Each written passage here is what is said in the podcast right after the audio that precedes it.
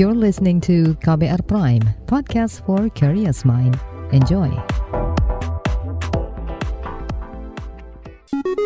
Saatnya Anda dengarkan Ruang Publik KBR yang dipersembahkan oleh Yayasan Dharma Bakti Astra. Halo, selamat pagi. Ruang Publik KBR kembali lagi menjumpai Anda. Hari ini di edisi Selasa 31 Mei 2022 ada saya Ines Nirmala yang siap menemani Anda dan seperti biasa kita akan berbincang-bincang membahas satu topik lebih lengkap dan hari ini yang kita bahas adalah strategi UMKM Bengkel Roda 4 dalam mendukung sustainability. Dan hari ini siaran Ruang Publik KBR dipersembahkan oleh Yayasan Dharma Bakti Astra atau YDBA. Seperti kita ketahui bersama, saat ini isu mengenai sustainability atau keberlanjutan menjadi perhatian dunia termasuk Indonesia. Seluruh pihak baik pemerintah, perusahaan swasta maupun UMKM bersama-sama melakukan berbagai langkah akal agar goal sustainability yang salah satu fokus pada peningkatan pendapat serta penyerapan tenaga kerja yang tercapai. Astra dan yayasannya yaitu Yayasan Dharma Bakti Astra atau YDBA, salah satu yayasan yang didirikan Astra dalam mengembangkan UMKM di tanah air, juga menaruh perhatian lebih terhadap isu sustainability atau keberlanjutan ini. Lalu seperti apa? Perhatian yang diberikan oleh YDBA terhadap isu sustainability dan bagaimana pengalaman salah satu UMKM binaan YDBA dalam menjalankan bisnis yang mendukung sustainability. Nah, ini menarik ya. Kita akan perbincangkan lebih lengkap dan langsung saja kita berkenalan dengan dua orang narasumber kita. Yang pertama adalah Bapak Rahmat Handoyo, Departemen Head Communication and Information System Yayasan Dharma Bakti Astra atau YDBA, dan juga Bapak Hendra, UMKM Binaan YDBA. Selamat pagi Pak Rahmat dan Pak Hendra, apa kabar? Selamat ya, pagi, pagi Mbak Ines. Salam sehat selalu Mbak Ines. Salam sehat selalu. Selamat pagi Pak Hendra. Ya, Selamat pagi Bu Ines, selamat pagi Pak Rahmat, sehat selalu. Oke, senang sekali saya pagi hari ini bisa berjumpa dengan Pak Rahmat dan Pak Hendra yang mana kita akan membahas seputar bagaimana sih UMKM di Indonesia yang merupakan binaan YDBA ini mendukung sustainability. Ini memang isu yang terus-terusan digaungkan ya, termasuk di uh, dalam presidensi G20 yang berlangsung di Indonesia tahun ini. Dan sebelumnya kita berkenalan dulu nih dengan profil salah satu UMKM binaan dari YDBA. Dan di sini pagi hari ini ada Pak Hendra bersama dengan kita. Pak Hendra, kita kenalan dulu ya bisnis yang dijalankan saat ini di bidang apa, kemudian di mana sih lokasi bisnisnya dan sudah berapa lama berjalan? Ya, mak makasih Bu Ines. Uh, kami dari Bengkel Maju Motor Eh, bengkel kami sekarang sudah memiliki tiga cabang. Cabang pertama di Duren 3 Jakarta Selatan, cabang kedua di Kelapa Gading Jakarta Utara, dan cabang ketiga di Palembang. Kemarin kita ada cabang keempat di Karawaci, tapi memang karena efek dari pandemi, akhirnya cabang keempat ini kami tutup terlebih dahulu. Itu. Iya baik. Sudah berapa lama nih Pak menjalankan bisnis bengkel maju motor ini? Uh, bengkel maju motor kita buka pada tahun 2001 itu dari bengkel orang tua ya, uh -huh. dari papa. Dan pada tahun 2005 saya di di disuruh orang tua untuk melanjutkan usaha usaha orang keluarga ya pada mulai tahun 2005 lah uh, bengkel ini saya pegang gitu ya. Oke. Okay. Dan pada tahun 2006 kebetulan bengkel dibina oleh YDBA begitu Bu. Sejak 2005 itu dibina oleh YDBA ya Pak ya? Iya 2006. Oh 2006 ya. Dari ya. awal hingga saat ini ada berapa banyak karyawan yang dipekerjakan? Uh, sekarang ini setiap bengkel kami mempunyai tim sekitar 20 orang, mm -hmm. terdiri dari mekanik, sekitar 16-15 orang dan administrasi kurir 5 orang jadi sekitar 20 orang Ibu Ines. Oke baik dan ini boleh diceritakan juga sih uh, oleh Pak Hendra bagaimana sih kondisi uh, bengkel atau bisnis di bidang uh, bengkel ini ya Pak ya seperti apa sih uh, dalam tahun-tahun terakhir ini gitu?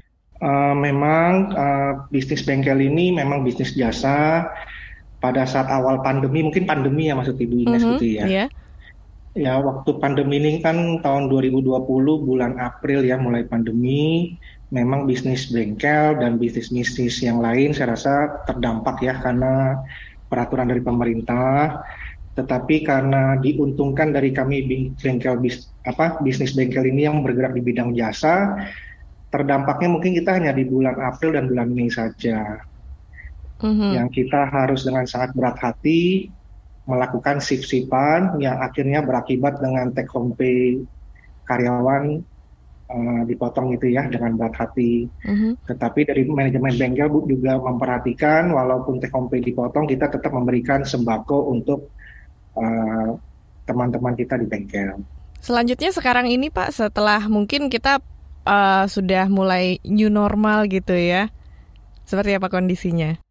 Eh, untuk bengkel sendiri sih Bu Ines waktu pandemi itu kita berdampak di bulan 4 dan bulan 5 saja. Begitu Iya. bulan 6 dan selanjutnya omset sudah lebih baik, tetapi memang belum seperti omset sebelum pandemi, tetapi omsetnya sudah bisa membiayai operasional setiap bengkel. Mhm. Akhirnya pada bulan 6 bulan 7 ya semua karyawan bengkel sudah kita masukkan kembali bekerja dengan take home pay yang normal dan semakin berjalannya pandemi sudah lebih baik sih Bu. Apalagi kemarin sudah dari pemerintah dibuka uh, tidak ada larangan untuk uh, mudik gitu ya merayakan hari raya lebaran yaitu sangat sangat membantu bengkel ya Hmm, dan gitu. saat ini omset sudah sudah lebih baik dan sudah melebihi dari sebelum omset uh, pandemi. Wah, bagus ya Pak ya. Bisa kembali lagi eh, kondisinya seperti sebelum pandemi terjadi. Dan untuk lebih jelas lagi, ini bengkel dari Pak Hendra, bengkel maju motor ini eh, mengerjakan kendaraan roda 4 gitu ya Pak ya? Iya betul Bu. Atau kendaraan roda 2 juga dikerjakan juga? Uh, sementara masih roda empat ibu. Oke, hanya roda 4 saja ya. Dan ini sekarang kita ke Pak Rahmat Handoyo dari YDBA. Pak Rahmat, ini kan kita sudah dengar eh, sedikit ya profil dan kisah dari bengkel maju motor UMKM yang didirikan oleh Pak Hendra. Berdasarkan penamat, eh, pengamatan Pak Rahmat, mengapa bisnis bengkel roda 4 hingga saat ini masih bisa dibilang menjadi primadona di Indonesia ya, bahkan bisa survive gitu melewati pandemi dan juga sudah kembali pulih dengan cepat gitu Pak. Ya, seperti tadi disampaikan oleh Pak Hendra ya, sejalan ya Mbak Ines bahwa pastinya pertama karena kendaraan bermotor juga cukup banyak di jalanan dan pastinya juga membutuhkan perawatan dan perbaikan. Nah, seperti tadi Pak Hendra sampaikan, eh, layanan jasa untuk perbaikan motor mobil atau perawatan mobil memang sangat dikedepankan dan dibutuhkan oleh pengguna kendaraan bermotor. Nah, atas hal tersebut itulah menjadi salah satu kunci bagi para pelaku usaha khususnya teman-teman di bengkel umum roda 4. Namun, ketika kita menjalankan sebuah usaha bengkel roda 4, pastinya kita juga tetap uh, memperhatikan bagaimana pentingnya di manajemen tersebut tujuan dari bengkel tersebut berjalan.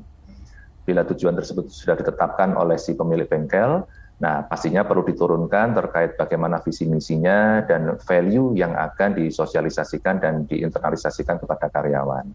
Nah, tadi kalau kita mencontoh kepada bengkel yang dijalankan oleh Pak Hendra, di mana di setiap bengkel rata-rata ada 20 tim, nah bagaimana tim tersebut solid, ada yang menerima customer, ada yang mengarahkan customer untuk uh, konsultasi perawatan dan perbaikan, dan bagaimana teman-teman uh, mekanik yang melakukan perawatan atau perbaikan juga mencoba memastikan kendaraan yang diperbaiki atau dirawat tersebut sesuai dengan harapan customer.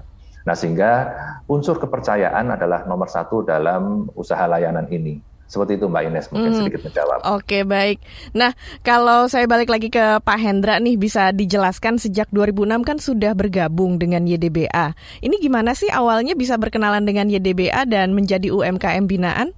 Uh, memang pada saat itu ada salah satu tim dari YDBA, mungkin Pak Kamsun ya, yang saya masih ingat ingat sekali. Mm-hmm. Pak Kamsun ini main ke bengkel kami menawarkan apakah bengkelnya mau dibina oleh YDBA. Mm-hmm. Dan pada saat itu memang saya ada di lokasi dan saya menemui Pak Kamsun dan saya bilang ya kita sangat ingin sekali karena pada saat tahun 2006 itu Bu kami sebagai bengkel sangat kesulitan untuk mencari ilmu pengetahuan mengenai bagaimana cara memanage bengkel yang baik dan benar. Jadi yeah. seperti Gayung bersambut, Pak Kamsun datang dari tim YDBA dan kita menjadi bengkel binaan. Oke, jadi apa saja sih yang uh, dilakukan YDBA atau kolaborasi yang diberikan bersama dengan usaha bisnis uh, bengkel maju motor ini, Pak? Uh, banyak ya Bu, uh, yang kami dapat dari YDBA banyak sekali.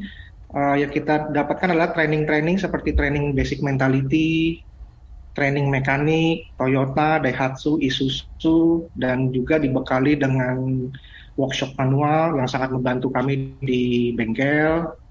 Lalu 5R yang berpedoman dengan metode Kaizen, PDCA, dan yang terakhir adalah pemodalan Astra Mitra Ventura. Hmm, gitu.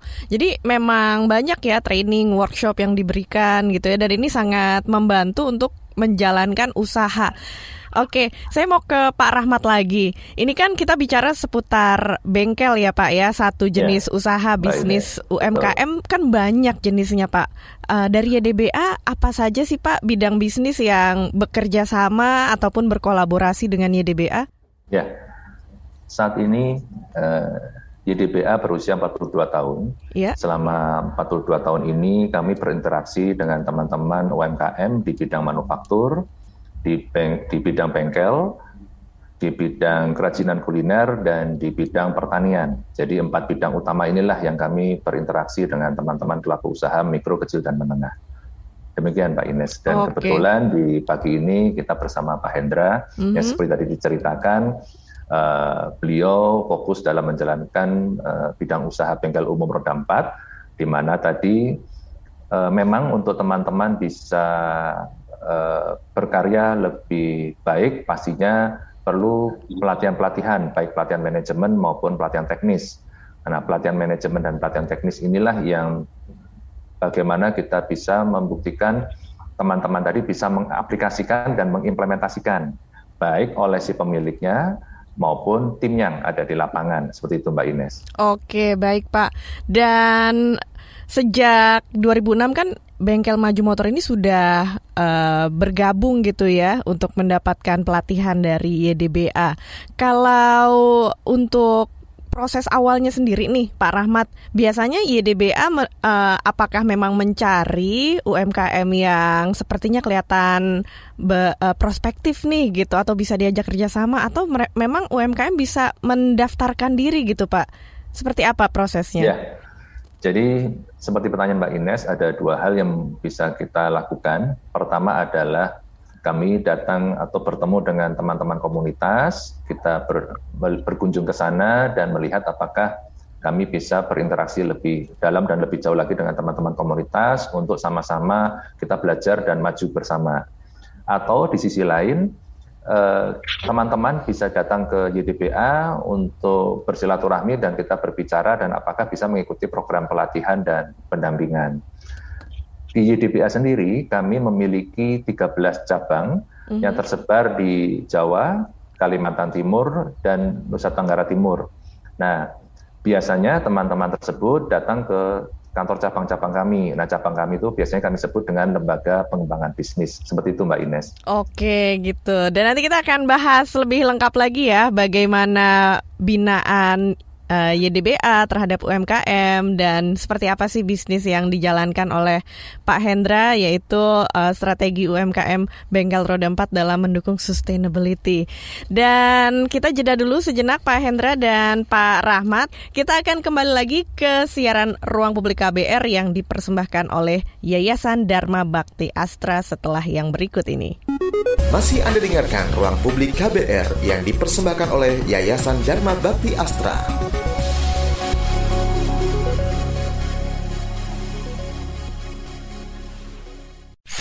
Commercial break.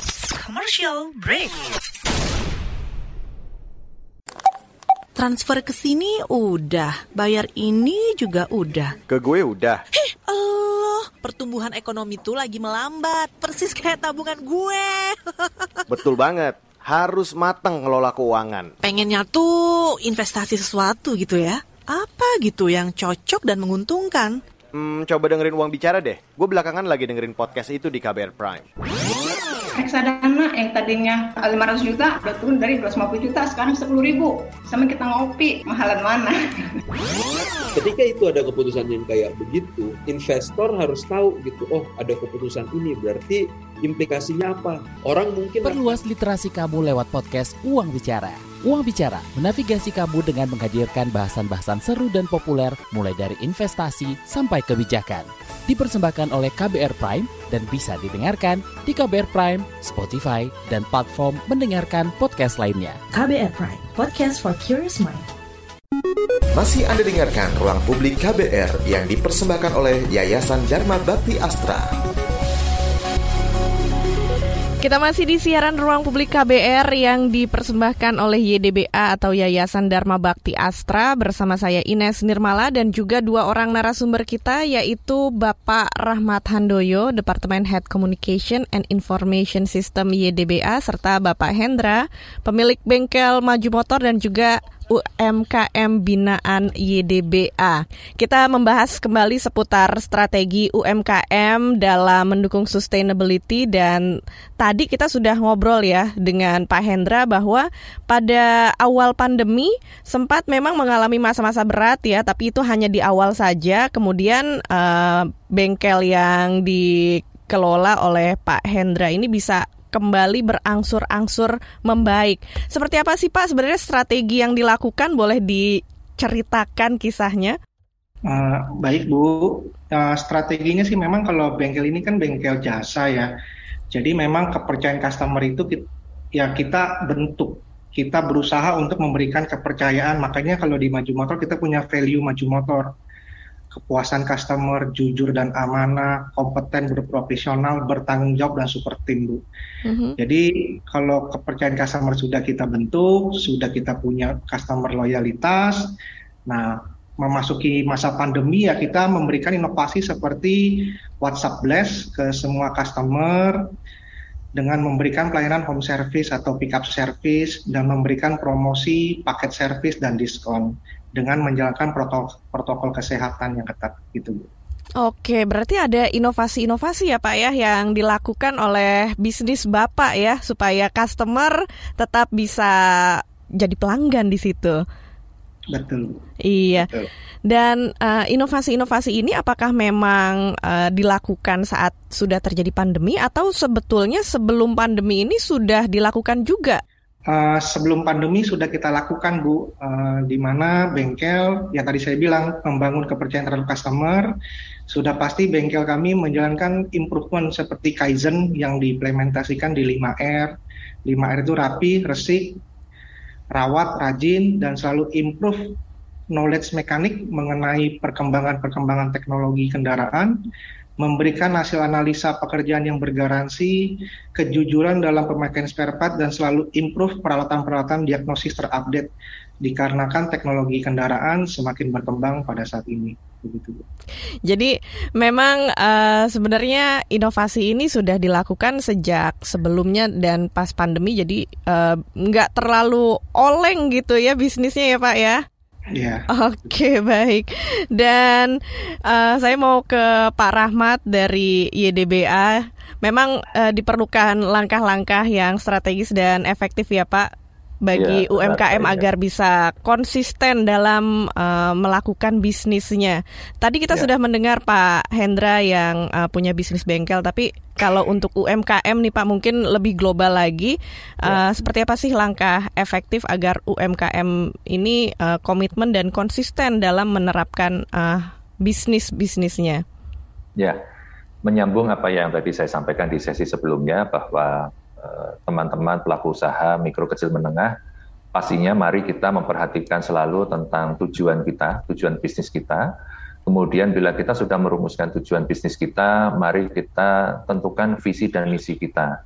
Kita mau sejauh ke depan mau melakukan apa, mau melakukan pertumbuhan bisnis seperti apa, dan misi kita dalam menjalankan bisnis ini mau dalam hal apa, pelayanan roda 4K, pelayanan semua merek atau apa, bila kita simulasikan dengan bengkel misalnya.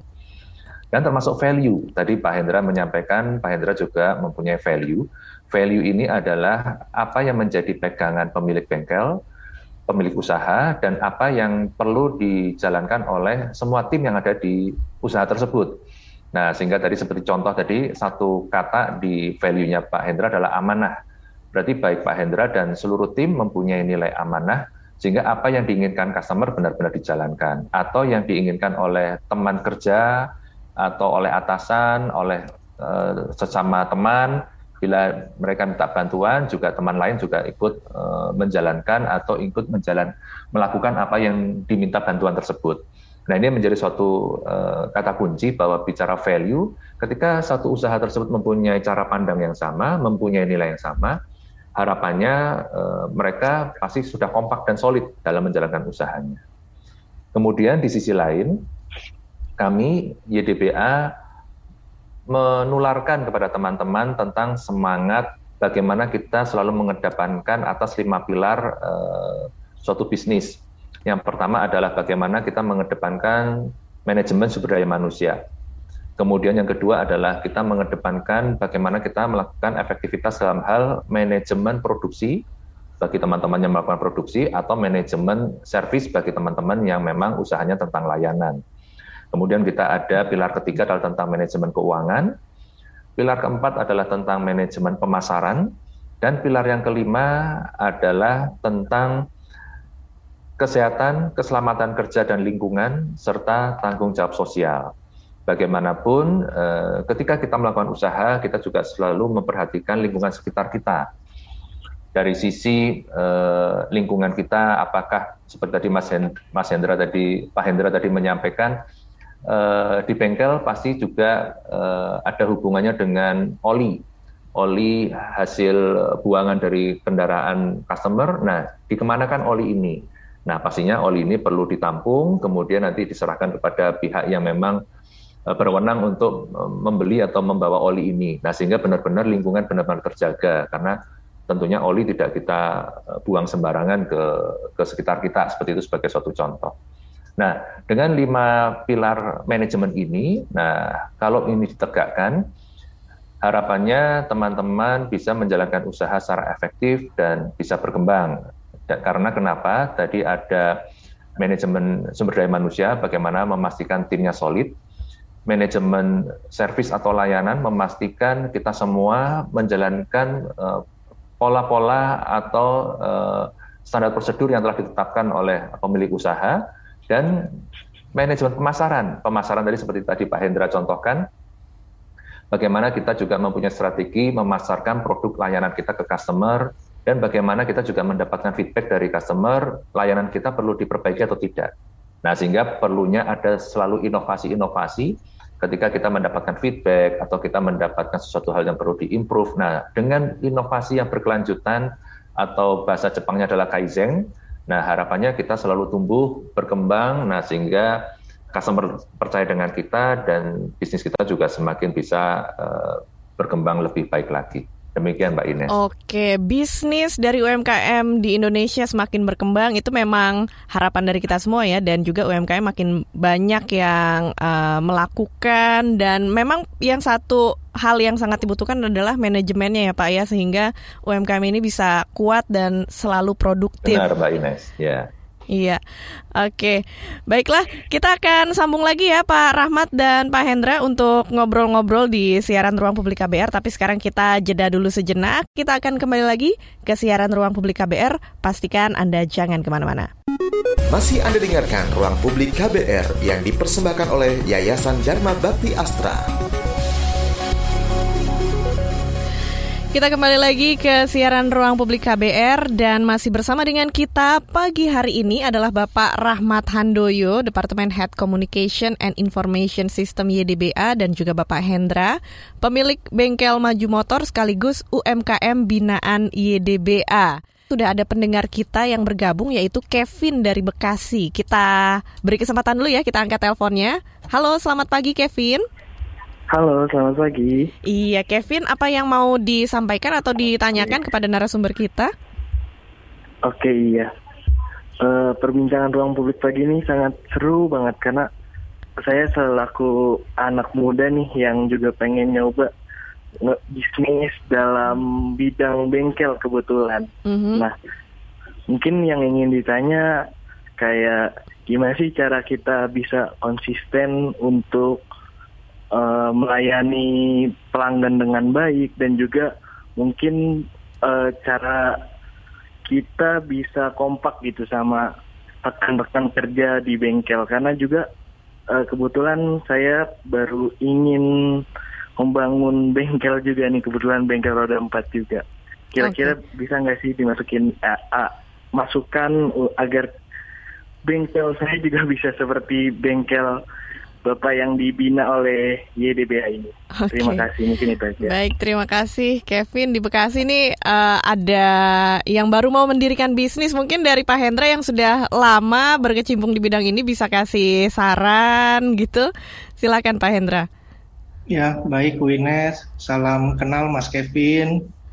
Eh, mungkin saran dari saya, Mas Kevin, eh, bisnis itu memang, apalagi bisnis bengkel ini kan bidang jasa, di mana SDM ini adalah value, value dari perusahaan bengkel. Dan sering saya memberikan eh, meeting ke teman-teman kami di bengkel adalah ah, bengkel ini milik kita bersama-sama, bukan hanya milik saya saja. Jadi kita sama-sama mencari rezeki di bengkel dan yang sering saya dan yang sudah saya lakukan di semua bengkel cabang kami kita melakukan open management Bu Ines. Jadi semua mekanik itu sudah ada bonus, lalu orang tim kepercayaan kami, misalkan kepala bengkelnya sudah kita berikan saham kosong, jadi kita berusaha untuk usaha ini milik kita bersama-sama, kita lakukan yang terbaik untuk customer, kita mencari rezeki bersama-sama. Jadi dengan harapan dengan kita mainnya open management, fair fair play, saya rasa nanti tim semua juga akan kompak dan memberikan yang terbaik buat perusahaan. Gitu Bu Ines. Oke, baik.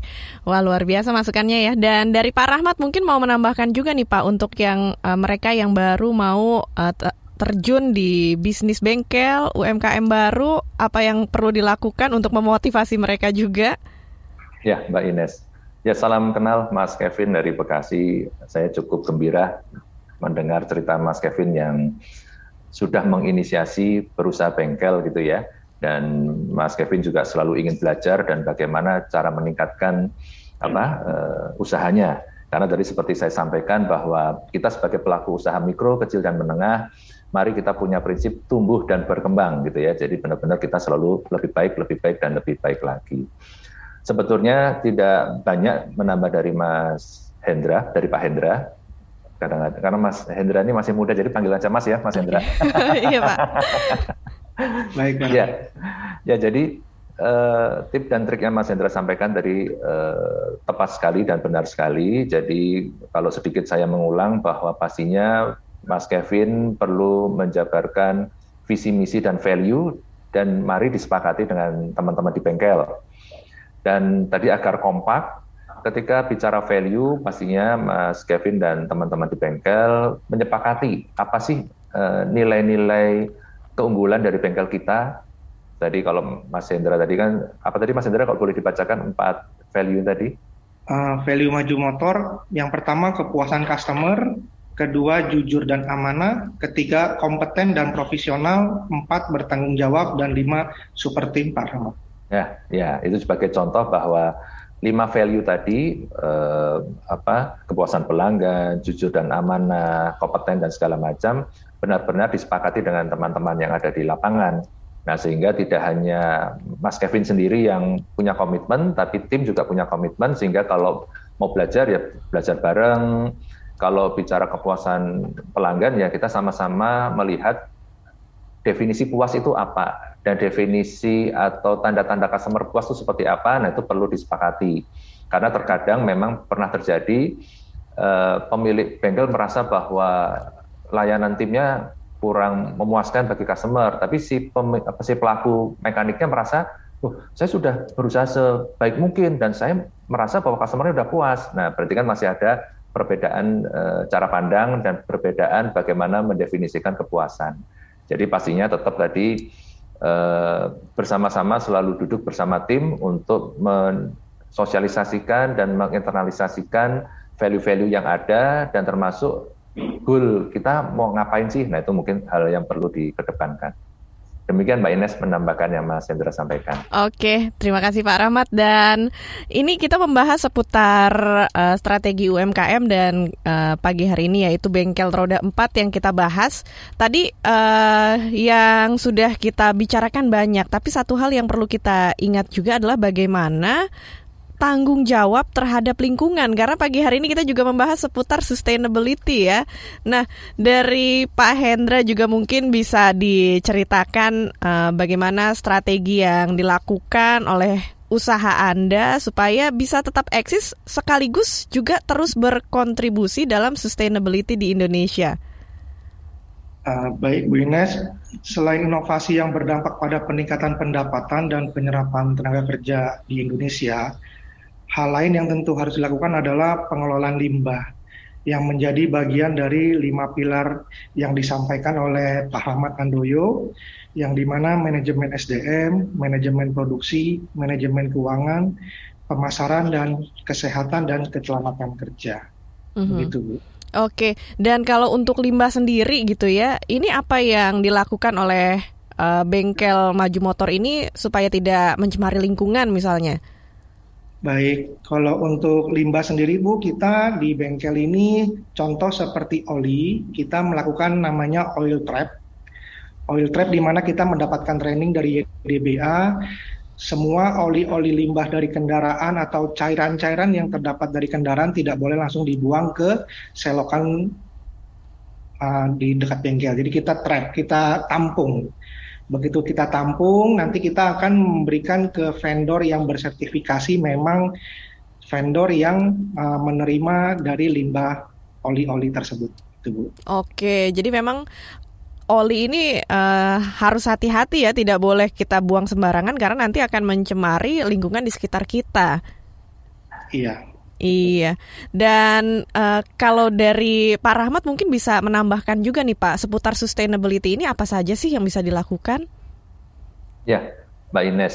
Jadi salah satu tadi yang disampaikan Mas Hendra tadi bahwa bagaimana kita eh, benar-benar memastikan limbah limbah-limbah yang ada itu uh, disalurkan atau tersalurkan ke tempat yang sebenarnya atau se seharusnya seperti itu ya. Tadi contohnya oli, pastinya oli nanti pastinya disampaikan kepada orang atau pihak yang berwenang untuk mengolah lebih lanjut oli tersebut.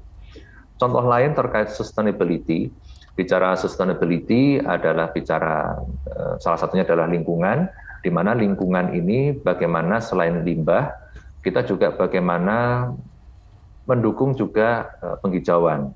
Jadi misalnya teman-teman di bengkel juga perlunya ada penghijauan dan penghijauan ini kan pasti salah satu keuntungannya adalah dia menyerap karbon seperti itu Mbak Ines. Dan sebetulnya eh, Mas Hendra juga kalau tidak salah Mas Hendra juga mendukung dengan adanya uji emisi ya Mas Hendra ya bagaimana para customer untuk memastikan kendaraan-kendaraannya eh, buang apa buang buangan dari knalpot tadi benar-benar sesuai kadar yang ditetapkan oleh pemerintah. Mas Hendra pun juga melakukan layanan uh, uji emisi. Nah, untuk memastikan kadar karbon yang dihasilkan oleh uh, knalpot kendaraan tersebut sesuai dengan uh, standar yang ditetapkan pemerintah. Seperti itu ya Mas Hendra ya, kalau boleh cerita ya. sedikit. Iya, betul Pak Rahmat. Kita menjadi salah satu bengkel yang menerima uji emisi untuk mendukung uh, peraturan pergub ya Pak Rahmat itu Pak. Ya, ya. Ya. ya.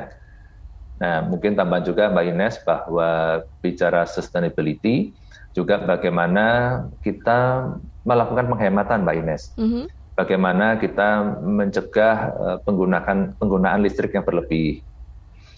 Bagaimana kita juga mencegah penggunaan air yang berlebih. Nah, itu juga bagian dari sustainability. Jadi misalnya uh, listrik kalau memang sudah eh, terang ya lampu dimatikan. Atau misalnya kita menggunakan lampu dengan uh, watt kecil tapi uh, cukup terang. Nah sehingga kita tidak banyak menggunakan atau mengkonsumsi listrik. Demikian pula air. Air biasanya terkadang kita agak eh, apa agak boros dengan air ya.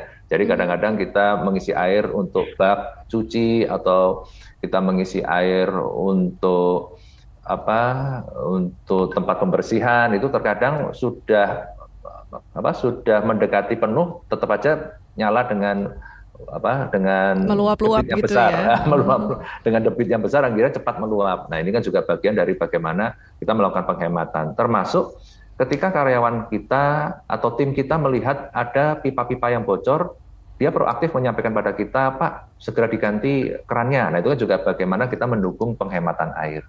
Oke. Seperti itu Mbak Ines. Iya iya iya. Mungkin banyak yang terlewat juga ya atau kurang memperhatikan yeah. kalau urusan air atau penggunaan yeah, lampu, yeah. listrik Betul. gitu ya.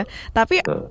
Apa pun kontribusi yang kita lakukan sekecil mungkin itu juga bisa yeah. berkontribusi bagi lingkungan sebenarnya ya. Benar, benar. Iya. Oke, baik Pak Rahmat dan juga Pak Hendra, kita akan sambung lagi perbincangan di ruang publik KBR. Kita akan kembali lagi ke ruang publik KBR. Jangan ke mana-mana, kita kembali setelah yang berikut ini. Masih Anda dengarkan Ruang Publik KBR yang dipersembahkan oleh Yayasan Dharma Bakti Astra.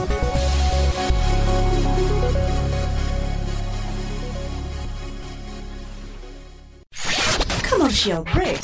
Commercial break.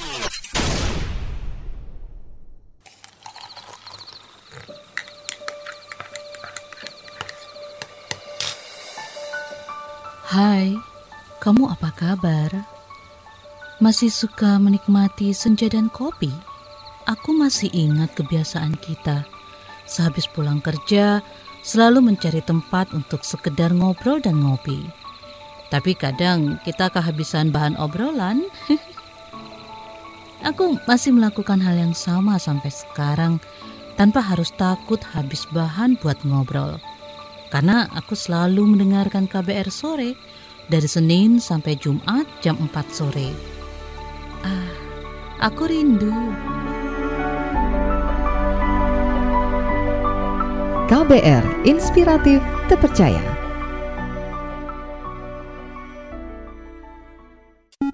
Masih Anda dengarkan Ruang Publik KBR yang dipersembahkan oleh Yayasan Dharma Bakti Astra. Sekarang kita sudah masuk ke bagian akhir siaran Ruang Publik KBR dan kita masih membahas seputar strategi UMKM Bengkel Roda 4 dalam mendukung sustainability dan siaran hari ini dipersembahkan oleh Yayasan Dharma Bakti Astra atau YDBA. Pagi hari ini kita juga masih bersama dengan Bapak Rahmat Handoyo dari YDBA dan juga Bapak Hendra dari Bengkel Maju Motor sekaligus UMKM binaan YDBA. Tadi kita sudah uh, membahas berbagai hal seputar bengkel maju motor ya Pak, mulai dari strateginya, mulai dari bisnisnya sampai sustainability. Dan Pak Hendra, uh, gimana nih kalau misalnya ada teman-teman atau pendengar kita yang tertarik dan membutuhkan ilmu, apakah bisa sharing uh, sharing knowledge gitu ya, sharing pengetahuan sama mereka, gimana caranya nih Pak? Ya tentunya hingga saat ini kami masih terus belajar dan mengembangkan bisnis bengkel ini namun kami selalu membuka pintu bagi teman-teman yang ingin belajar dan berbagi bersama Maju Motor. Gitu, Bu. Oke. Jadi bisa gimana nih? Langsung aja datang ke bengkel ya, atau ya, bisa menghubungi? hubungi Ya, untuk teman-teman yang ingin saling sharing, kita saling belajar, bisa hubungi saya atau ke Instagram kami di bengkelmajumotor.id. Oke, ada Instagramnya ya, bengkelmajumotor.id. .id. Iya, bisa langsung DM aja di situ. Ya, boleh langsung DM saja atau ke nomor handphone saya boleh Ibu. Oke, silakan Pak. Uh, 0812 9170 3373. Oke. Uh, 0812 9170 3373 ya. Oke, ya. bisa menghubungi Pak Hendra, bisa sharing, bisa bertukar ilmu pengetahuan gitu ya. Ini pasti akan sangat bermanfaat buat teman-teman yang mau uh, membuka usaha gitu ya, atau juga ingin mengembangkan bisnisnya. Dan dari Pak Rahmat juga mungkin mau berbagi nih Pak, kalau teman-teman mau dapat ilmu-ilmu dari YDBA, gimana sih caranya? Ya, Mbak Ines pastinya dengan keterbukaan informasi dan kemudahan dalam kita uh, belajar tidak harus bertatap muka tapi dengan online atau dengan membaca dan melihat pun dengan mudah juga bisa kita lakukan. Nah, silahkan bagi teman-teman yang ingin mencoba mengetahui lebih dalam atau ingin mencoba uh, belajar seperti Mas Hendra, silahkan berkunjung ke Instagram kami at underscore astra atau juga di website kami ydba.astra.co.id. Dan kami juga ada YouTube channel Yayasan Dharma Bakti Astra. Nah, di situ juga ada beberapa uh, apa beberapa edukasi melalui uh, media video. Salah satu salah satu contohnya adalah kami di situ ada halaman ngobrol 5R. Jadi bagaimana teman-teman tadi ingin mencontoh seperti Mas Hendra, bagaimana sih kalau mau mempraktekkan ringkas rapi, resik, rawat, dan rajin, nah itu silahkan masuk ke YouTube channel kami di Yayasan Dharma Bakti Astra. Seperti itu, Mbak Ines. Oke, luar biasa ya. Jadi uh, kita sekarang bisa sharing ilmu, pengetahuan semuanya di era keterbukaan ini. Silahkan Benar, bisa langsung ke website, ke YouTube atau ke yeah. Instagram tadi ya, YDBA underscore Astra atau Instagram at Maju Motor ya Pak ya, bengkel Maju Motor ya.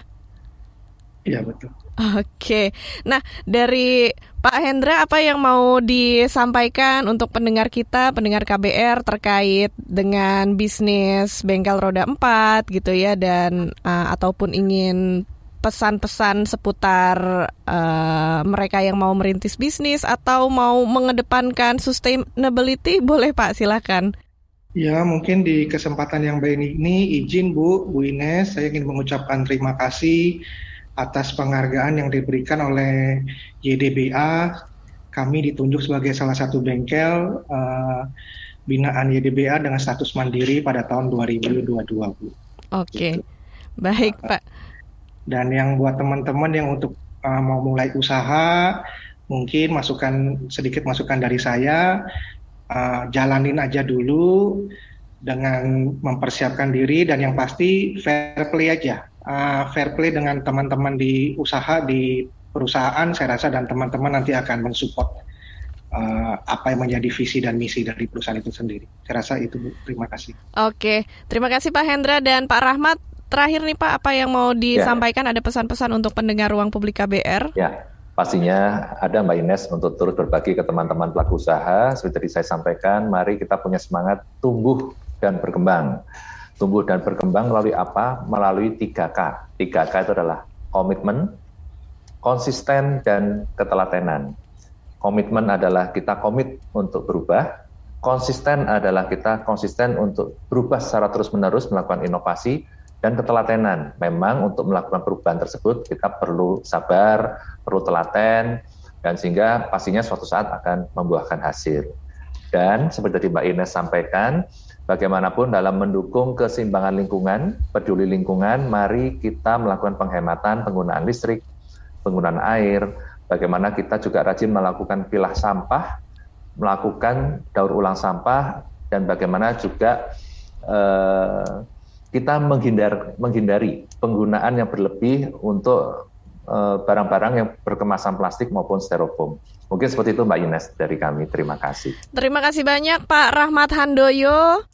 Departemen Head Communication and Information System YDBA dan juga Pak Hendra, pemilik bengkel Maju Motor dan UMKM binaan YDBA. Sukses selalu untuk YDBA dan bengkel Maju Motor. Ya, dan... Terima kasih Mbak Ines. Dan mungkin satu kata, uh, kami selalu punya jargon, UMKM Indonesia hebat. UMKM Indonesia hebat dan terima kasih atas kehadiran Pak Rahmat dan Pak Hendra pagi hari ini karena waktu yang terbatas kita harus akhiri siaran Ruang Publik KBR dan bagi Anda yang mendengarkan terima kasih banyak dan sampai jumpa lagi saya Ines Nirmala pamit salam.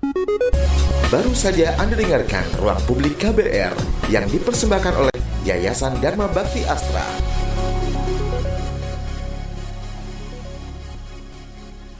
KBR Prime, cara asik mendengar berita. KBR Prime, podcast for curious mind.